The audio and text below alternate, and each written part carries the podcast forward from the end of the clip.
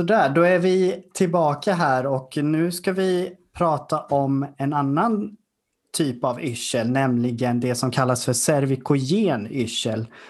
Och vad är då det för någonting? Jag tänker att jag läser upp här vad det står från samma dokument, eh, riktlinjerna från fysioterapeuterna där.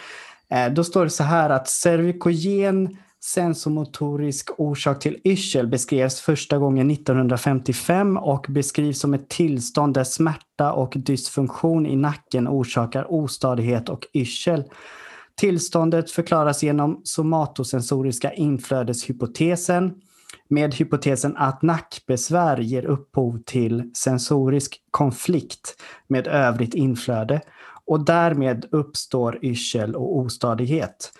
Eh, termen cervikogen yrsel används numera för tillståndet analogt med cervikogen huvudvärk där man förmodar att nacken är orsaken till besvären.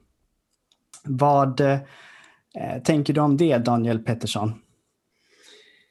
Ja, eh, jag tror ju att cervikogen yrsel är en extremt försumbar del av de som är yra. Alltså jag har, man kan säga att jag har tre, tre problem med diagnosen innan vi ens går djupare med det. Och ett är nog att man, de flesta har väldigt svårt att skilja på korrelation och ett orsakssamband. Det är väldigt vanligt att vara yr och det är vanligt att ha ont i nacken. Eh, och så kan man inte skilja på det, att, eh, att, eh, att det inte behöver vara ett orsakssamband, ingen kausalitet på de sakerna. Och det andra är att man tror, många tycker jag ställer diagnosen cervikogen yrsel utifrån specifika tester. Eh, och där finns inga specifika tester för att ställa diagnosen, det är en uteslutningsdiagnos. Ehm, så istället för att vi börjar med att utesluta andra orsaker så sätter vi den diagnosen direkt. Och det tredje problemet jag har med det egentligen är att om man nu ska in och göra uteslutningsdiagnos så de allra flesta som jobbar mycket med, med nackar då har inte den kunskapen om anatomi, fysiologi kring de andra områdena, så de kan inte diffa det mot andra. Så att patienten får många gånger den här diagnosen utifrån att den som behandlar dem har en förkärlek för nacke helt enkelt. Och det är ju fel väg om man... Eh, det, det, är inte omöjligt i mina ögon att man kan bli ostadig från nacken. Men jag tror att det är ovanligt. Och jag tror att de allra flesta som får diagnosen har fått den utan att man har uteslutit andra orsaker. Mm. Och vad, har du någonting, eh, Daniel Pantelic, eh, vad tänker du spontant liksom kring cervikogen yrsel? Ja, jag håller väl med eh, Daniel om det mesta där. Det, det som jag kan väl tycka med cervikogen yrsel är att jag, jag tror att um, om, om alla som hade om man kunde få ont yrsel av en nackbesvär, då skulle alla som har nackbesvär ha yrsel. Jag tror att det såklart det kan påverka eftersom proprioception från nacken är ju en del av balanssystemet. Men jag tror precis som Daniel säger att det är extremt försumbart och det går inte att diagnostisera det. Det väl, får väl egentligen vara mer av en, en bigrej att man kan tänka sig att det kan påverka när man har yrsel och det kan påverka återhämtningen. Men att det skulle vara en primär orsak till yrsel som påverkar patienten nog att söka vården, det, det, det köper jag helt enkelt inte. Eh, och jag som, som kiropraktor i grunden också, vi, pratade ju en del om det här i skolan och eh, precis som Daniel säger, det, man, det är nästan att man testbehandlade folk. Att ja, du har yrsel, men vi testar att knäcka nacken eller vi testar att trycka på muskler och se om personen upplever att de känner sig bättre. Och om de gjorde det så bekräftade man på något vis att det var cervikogen yrsel. Och, eh, jag köper inte förklaringsmodellen överhuvudtaget. Jag tror inte att det egentligen är någonting vi någonsin kommer ställa en korrekt diagnos på. Det är ju svårt också för egentligen, det blir ju, jag har en känsla av att den här diagnosen uppstår utifrån vad man kan själv behandla egentligen. Så är man, har man, gillar man högcervikala manipulationer, ja men då är ju såklart det som är orsaken till yrseln och även det som ska behandlas givetvis också. Så jag, jag brukar säga att de som, de som behandlar cervikalyrsel borde berätta för mig egentligen hur de kom fram till det och ge mig en övertygande förklaringsmodell till varför det här har uppstått och varför du gör det här specifikt hos den patienten. Med tanke på, som du säger också Daniel, att jag menar, det är ju jättevanligt att man har ont i nacken, men alla är ju inte yra. Det är en sån grej jag brukar säga också att när man... För alla kommer ju med sin grej då, att ja, men det måste ha stått över tid, säger några. Okej, okay, men varför, varför alla som är kroniker ont i nacken, varför är de inte yra för då? Eller det måste vara en viss anspänningsgrad. Okej, okay, varför är alla med torticollis, varför är de inte yra för då? Ja, det är ju det hur länge som helst då liksom. Mm. Det, alltså det jag tror är en extremt viktig del i det här och som jag tror är ett extremt stort systemfel egentligen, det är att vi håller på att behandla patienter som någon annan har undersökt. Alltså det här är ju en läkardiagnos för mig, Maue. De har varit på vårdcentralen och nu, utan att raljera, man har gjort klämtest på trapezius och så har någon patienten sagt aj, det gör ont. Och det gör det även när man trycker på min trapezius tillräckligt hårt. Och så är patienten yr då samtidigt eller beskriver någon ostadighet eller någonting. Och då är det diagnosen. Och så skickas man till sjukgymnast och då är de så att säga yrselutredda per definition då när de kommer till, till nästa, om så kommer till naprapat, sjukgymnast eller, eller kiropraktor. Och så behandlar man det som doktorn har sagt. Det är ju helt förkastligt i mina ögon. För så gör vi ju inte med andra diagnoser. Där har vi ju stolthet i att liksom undersöka och göra, ja, men att skaffa oss en egen bild. Men här är det supervanligt att man får liksom skickade patienter från vårdcentralsläkare som inte har, har de, de kan ju inte ge en definition av cervikogenyrsel. Det, det, finns ju ingen definition. Det, det, det, finns ju inte ens, om man söker artiklar finns det ju massa olika namn för samma sak egentligen. Det är en uteslutningsdiagnos. Och det är ingen diagnos som en läkare ställer på 15 minuter på en vårdcentral, det kan jag säga. Jag tror att det är precis det här också med att man tar emot patienten, de har en diagnos och så börjar man sin behandling. Det är min erfarenhet av sjukgymnaster och min, vad jag vet om kiropraktorutbildningen är att det är väldigt stora kunskapsluckor kring yrsel generellt. Man, man kan inte. Och står det cervikogen yrsel så då är det okej, okay, vi kan behandla nacken. Jag har en metod för det. Så jag tror att man hoppar på det väldigt enkelt för att alternativet hade varit att man är tvungen att utreda det och det är inte så lätt alltid för alla. Jag hade en ganska intressant diskussion med, jag har ju många rändande vårdcentralsläkare som går hos mig och lär sig om yrsel i, i vår region. Mm. Då var det en, en gång som berättade för mig att eh, han var helt övertygad om att det inte var från Nacke, men han gav ändå den diagnosen ganska ofta. För att för han så var de nackutlösta för honom var de som han såg i situationstecken som hade en psykogen yrsel, kallade han det för. Men han tyckte det var så jobbigt att ta den diskussionen.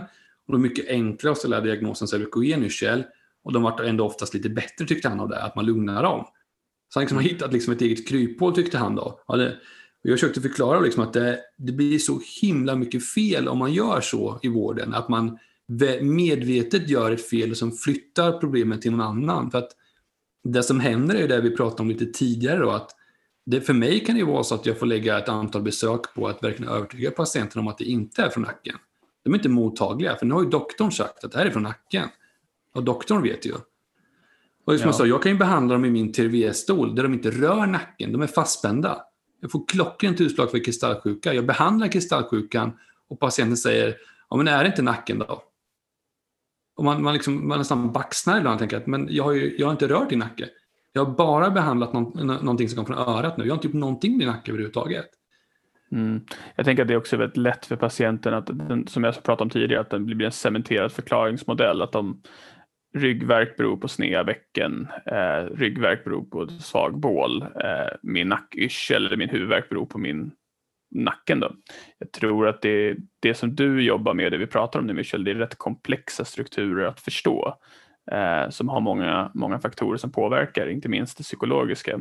Jag, jag tror inte att det, Sätter man fel diagnos eh, på det här så är det svårt för oss att övertyga dem att det kommer ta för lång tid. Ja, jag tror man måste vara väldigt tydlig och man måste ha gjort en ordentlig undersökning som ligger till grund att lugna patienten också. Det är klart, jag skulle också bli ganska glad ifall jag hade en ostadighet eller någonting som inte kändes bra i kroppen. Eh, och så säger någon att det är nacken och det här kan, vi, det här kan du få behandling hos en, en kiropraktor eller sjukgymnast för. Det här, det här kommer de lösa. Mm. Det skulle ju vara kanon om någon sa det till mig. Verkligen, det är liksom ett av de bästa alternativen tänker jag. För liksom få passiv behandling, att någon liksom håller på och grejar lite med nacken och så löser det mina problem. Men det är inte bara passivt, man pratar ju också om styrketräning, att man, man gör mycket styrketräning och det sätts in ganska mycket resurser på att de ska komma och träna musklerna för att de ska undvika sin yrsel. Uh, så det är också en ekonomisk fråga att, uh, att sätta in någon ett gym för att träna musklerna så att nacken ska sluta ge dem yrsel. Om det är yrsel de faktiskt söker för, det kan ju vara väldigt kostsamt i onödan. nu kan man ju hamna i en riktig så här snuttifiering här nu, och, och, men jag tänker många ändå som, som forskar på det här, de, de hävdar ju att det är en, att problematiken härleder från en, den djupa nackmuskulaturen. Mm. Och om vi nu, oavsett vad man tycker om det, om vi bara leker med tanken att det är det som är problemet. Vi säger att det är det nu. Att det är, om man ska bli yr, vilket då inte alla blir ändå när de har problem med den strukturen uppenbarligen, men vi säger att det är så nu. Varför tränar man dem i en gymmiljö då? Mm. För det rimmar ju inte heller då, för hur ska de kunna adressera den muskulaturen? Jag vet, det känns som man, det blir, att många håller på med en behandling som inte stämmer överens med deras egna patofysiologi i så fall. Mm. Ja.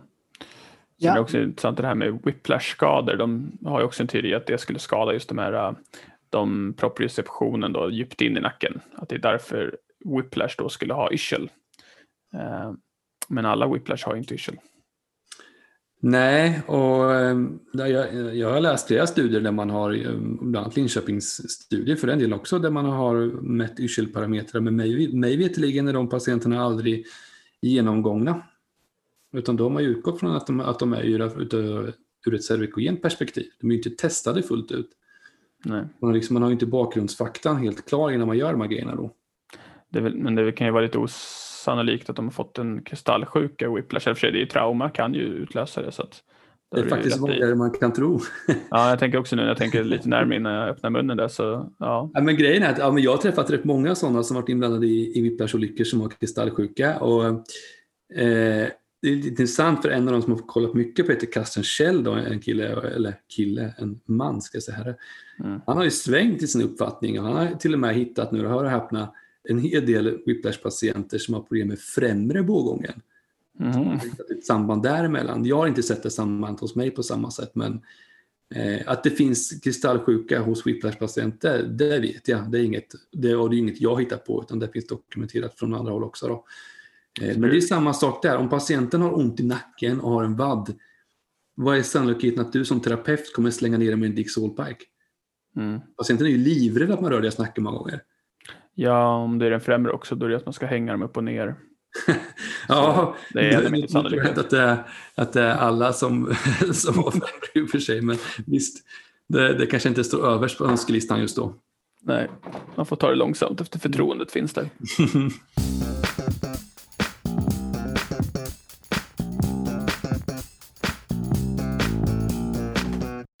Okej, okay, men, men om, om vi säger då liksom att det, det är någonting annat, det finns någon annan underliggande orsak till yrselproblematiken om jag har förstått det rätt. Vad tänker man sig att det kan handla om då?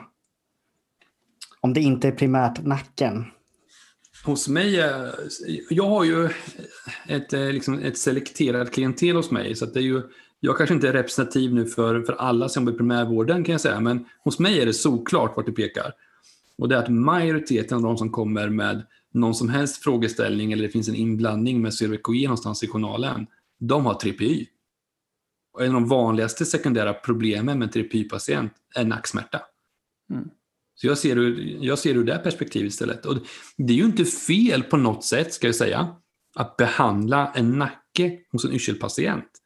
Felet är när man berättar för patienten att det är det som är orsaken till deras yrsel.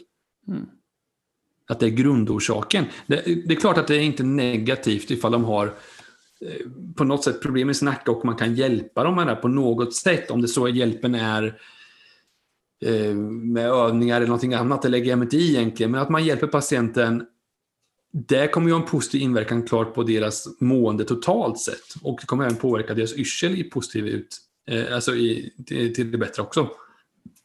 Mm. Men där måste jag eh, få komma in bara så att vi kan klargöra någonting här. Då, då säger du att okej, okay, det, kanske han, det underliggande problemet är 3PY. Men det i sig är väl ett samlingsnamn eller, eh, och, och, och har i sig kanske några underliggande olika orsaker, eller? Ja, det har Alltså, 3PY uppstår ju av någon anledning. Men um, det är ju det är ett ganska brett spektra minst sagt på vad som kan orsaka att man lider av 3PY senare. Ja, och det ska vi prata om vid ett annat tillfälle också. Men då, eh, just det.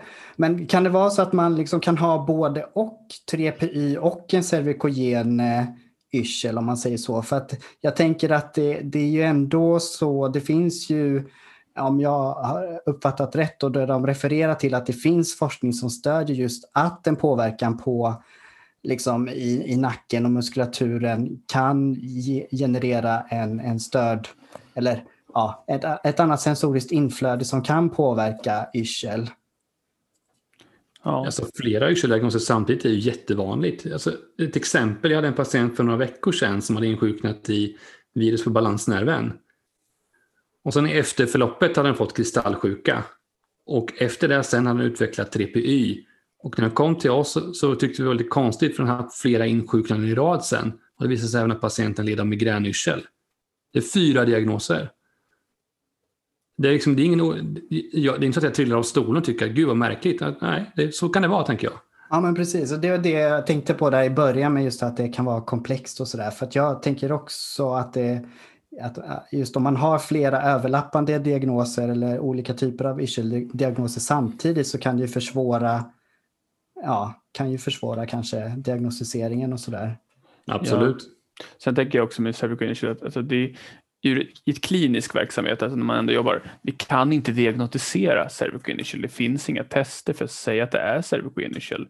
Det finns ju tester för annat, det finns kriterier för annat, men just cervical initial, det är en kliniskt omöjlig diagnos att ställa, utan det är en uteslutningsdiagnos. Och vi kan inte utesluta allt annat inom primärvården i alla fall. Kanske man kan det hos Daniel, men inte där jag jobbar. Eh, och att då säga till en person att den har yrsel för nacken blir fel. Eh, det är lättare att säga att vi kan behandla din nackverk, men vi ska absolut inte säga att den ger yrsel. men, fin men finns det inte ändå, jag tänker, finns det inte ändå en möjlighet att nacken faktiskt och, och nackmuskulaturen faktiskt kan ge yrsel? Alltså det är en teoretisk möjlighet, men hur ska, alltså vad gör det för klinisk skillnad? Det ändrar inte någonting. Eh, det, det här med att man Nej, testbehandlar och ser om det blir bättre i nacken, det, det funkar inte heller. Utan det, det, det går inte att säga att den här diagnosen existerar, men absolut, det kan finnas en teoretisk möjlighet att det påverkar proprioceptionen i nackens strukturer.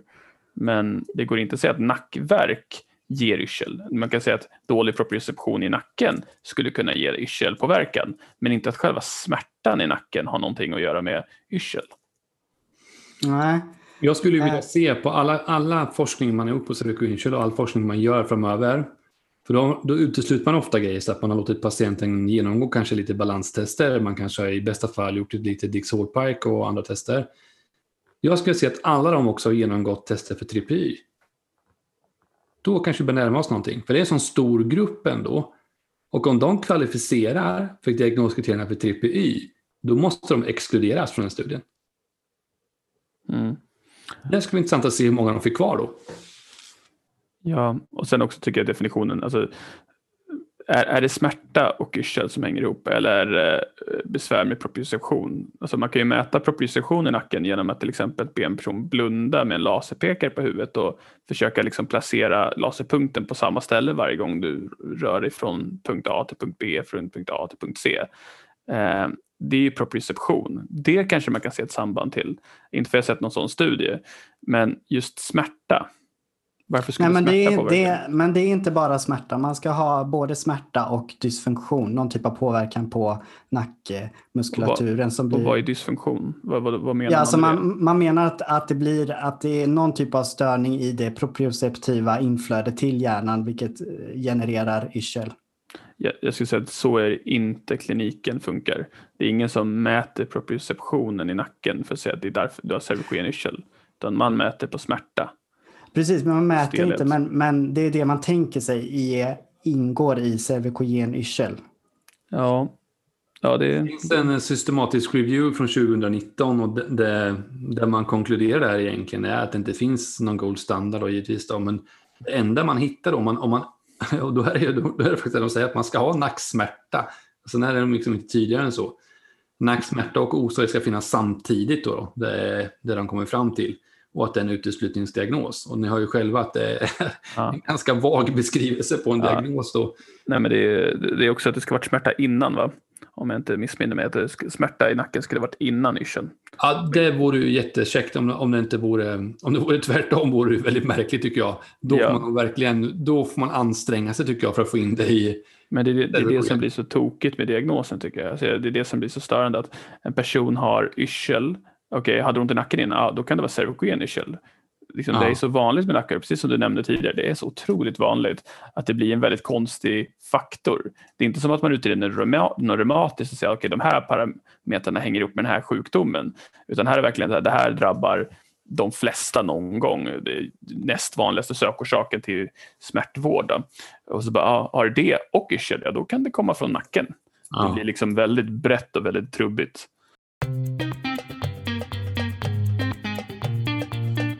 Men jag är glad att vi lyfter att det här kanske når några fall att bli mer observanta på att man dels att man tycker jag säger ifrån.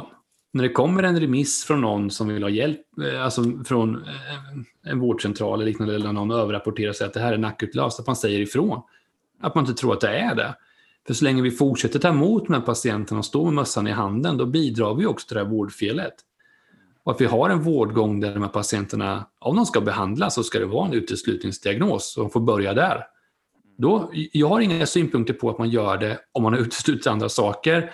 Men sen ska det ju som alla andra diagnoser att märker man att det inte händer någonting med behandlingen och att de inte blir bättre, då måste man ju ompröva det såklart och ta ett steg tillbaka och fundera på vad har jag missat? Vad är det som inte stämmer här egentligen?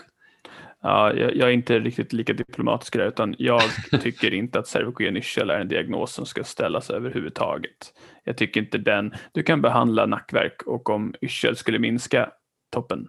Men du kan inte behandla en nackverk för att du ska bli av med en yrsel. Det, det, är inte, det, det finns inga belägg, vi, vi, jobbar inte så inom vården. Man, man liksom ska ha belägg för vad man gör, annars ska man inte jobba inom vården. Då hör det hemma inom alternativmedicinen. Men grejen är att med mitt resonemang så kommer du inte träffa någon som behandlar ändå, för det är ingen som utesluter alla andra grejer. Nej, nej det, det har du ju rätt i. Jag, jag, förstår exakt hur du menar, men jag, jag, jag, tycker ändå inte att det här, alltså, det här... Jag sätter ner alltid ner foten för just den här diagnosen. Den, om den existerar så är det inte smärta, utan då är det proprioception. Och, och, där faller ju liksom egentligen, då, då, faller det tillbaka på att det inte är cervical utan att det är ett problem med proprioception. Mm. Och, och, då är det inte kanske, hur ska man veta att det är bara i nacken som utlöser det? Hur vet man att det inte är något annat? Men, men innan vi rundar av cervical initial, kan du berätta lite grann om, för att när man pratar om cervical initial med folk så brukar folk hänvisa till den här reflexen. Kan du, kan du berätta lite om den? Det är ju det är väl ingen paradgren egentligen för mig, men det, det finns mycket i, i balanssystemet är uppbyggt på reflexbanor. Alltså tar man in rörat så är det ju den vestibulära reflexen till exempel och den eh, som står för en ganska stor del av vår synskärpa egentligen. Nu kommer vi in på en annan del, men den, det, jag berättar det utifrån att den cervikulära reflexen påminner väldigt mycket om det här. Och krasst kan man säga så här att om jag tittar på en punkt framför mig med båda ögonen så rör jag huvudet något håll så kan jag behålla fixationen på den punkten. Det så att ögat går ju egentligen i motsatt riktning mot huvudet. Och det är egentligen örats förtjänst. Det är ju inget man går och funderar på så här dagligdags att det är örat som gör det, men det är faktiskt det.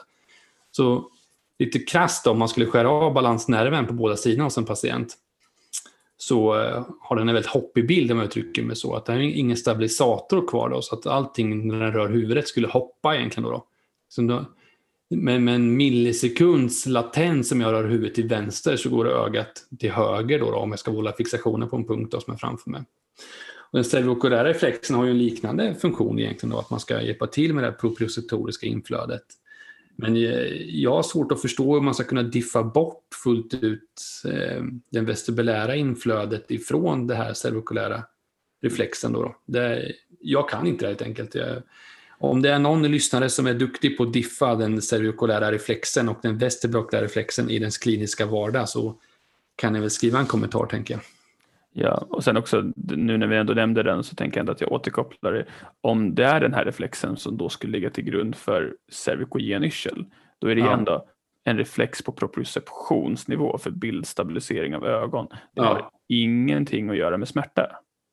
Nej, alltså Nej. Det, det, skulle vara att man på något sätt försöker få det till att smärtan inhiberar då den, den proprioceptionen.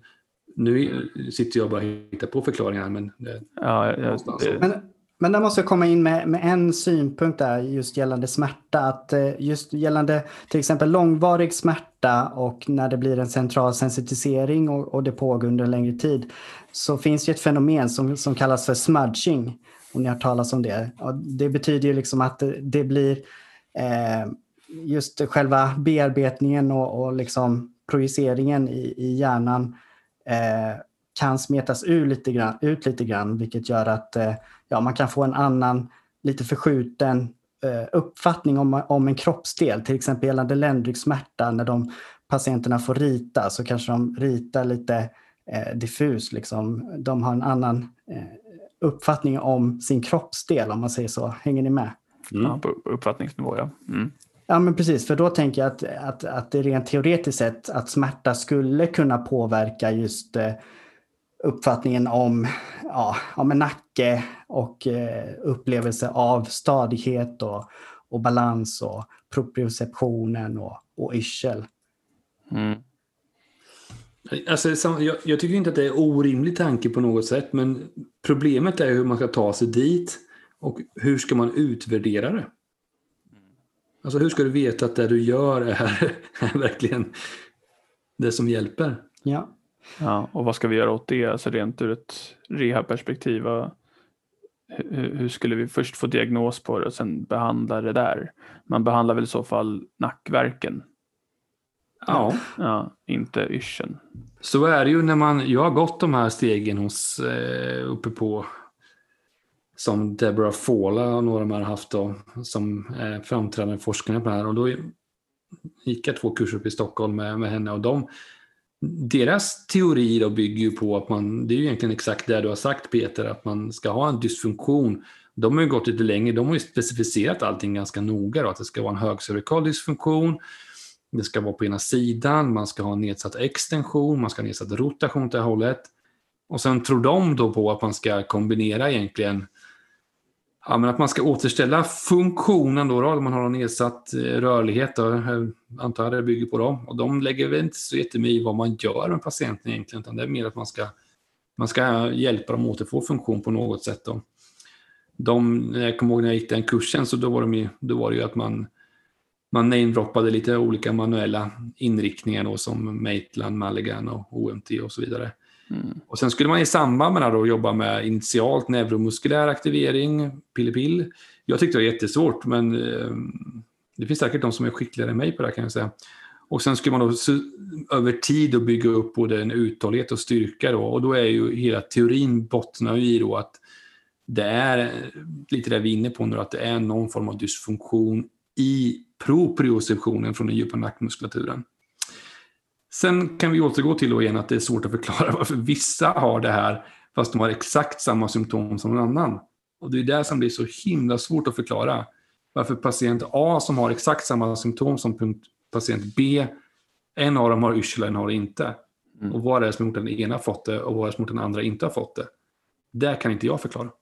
Nej, samma är det dock med som magnetkameror varför ett diskbråck gör ont och ett annat inte gör ont. Så det är klart att det fortfarande skulle kunna vara så. Men det, det blir väldigt svårt kliniskt att avgöra. Ja, och framförallt när, vi, när jag vet att de merparten av patienterna är ju inte undersökta i den mån som de borde vara egentligen. Då blir det mm. ännu svårare att förhålla sig till det. Ja. Jag, jag, tänker lite så här då att okej, okay, cervikogen yrsel, om det nu existerar, kanske inte är den primära orsaken. Men kan man, kan man ändå tänka sig att om man nu har en underliggande orsak, att cervikogena faktorer kan påverka eller kan förvärra yrsel eller kan trigga. Jag tänker likt stress som kanske inte är orsaken till smärta men har man smärta så kan stress potentiellt sett öka smärtan eller trigga smärta. Mm. Om jag får svara först så tror jag att eh, smärta gör att man blir, om man har ont mycket så blir man tröttare i huvudet och då blir yrsel värre, eller man upplever yrsel som värre ju tröttare man är i huvudet. Ehm, så tror jag i alla fall. Ja, men jag tror att det, som in på det bidrar ju till en sammantagen bild och det är därför jag säger att jag har inga problem med att man behandlar nacken. Absolut inte, klart man ska göra det om man kan hjälpa patienten med det, om man har redskapen för det. Och det är lite som vi är inne på att en, många yrselpatienter använder ju sin energibägare på en dag för att mota sina yrselsymptom. har de då fler saker som stjäl energi från dem, om det är smärta i nacken eller ett gräl i familjen eller vad det än må vara, men någonting som tar energi från dem så brukar de också få mer yrselsymptom så länge dagen går och mer yrselsymptom bidrar till ännu mer trötthet och så är det igång det här. Så det är klart att man, kan, man ska ha med sig, man ska liksom inte glömma nacken på något sätt. Men det, det är ju inte riktigt det vi pratar om egentligen och det är inte där vi är, vi är ute efter, att man inte ska behandla nacken. Nej. Men det är ju att man ska vara försiktig med vad man anser att nacken har för, för samband med yrseln egentligen. Och sen, det är aldrig fel att träna nacken. Eller liksom så, så det, om du har ett besvär med smärta eller något obehag i nacken så ska ju det också bejakas som en del. Men det, det jag sätter mig bara emot det här att folk söker för en yrsel och så säger folk det kommer från nacken. Det är, där liksom, det, det är det enda som jag tycker man ska, liksom, om man, om man tar fått sig en grej från den här podden så är det att cervikogen yrsel kanske finns men det går inte att säga att den finns och man ska inte säga till patienter att det kommer därifrån. Det är 100% en uteslutningsdiagnos och då ska den som har ställt diagnosen förklara för mig hur den uteslöt det. Och jag ska inte, det är inte jag som ska berätta hur de kom fram till utan de ska berätta för mig vilka tillstånd har du uteslutit innan du satte diagnosen egentligen? Ja, men hela konceptet av en uteslutningsdiagnos faller ju. Vi har ju ospecifik, vi har ju idiopatiskt, vi har de diagnoserna. Att säga cervikogen yrsel är ju inte ospecifikt eller idiopatiskt. Det, då säger man att det kommer ifrån nacken. När det mm. egentligen är att du inte har en aning. Då, om du inte hittar någon orsak till yrseln, då har du en idiopatisk yrsel. Vi mm. har en diagnos på det. Vi behöver inte hitta på nya bara för att de låter mer säkra. Nej, precis. Tänker jag.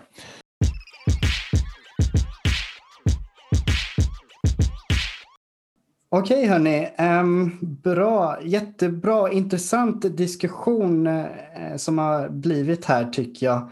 Eh, och det här upplägget på just den cervikogena yrseln eh, blir ju lite annorlunda då. Jag hoppas att det är okej okay för er lyssnare. Jag hoppas att också att ni har fått med er någonting från det här nu. Eh, men jag tänker om inte ni har någonting annat att tillägga kring cervikogen yrsel så kan vi ju avrunda det här avsnittet. Och sen vid nästa, nästa diagnos som vi tänker ta oss an är 3PY som vi ska prata lite mer om då. Men eh, eh, ja, tack, tack så hemskt mycket Daniel eh, Pettersson, eller Petersson, för din medverkan idag och även du Daniel Pantelic.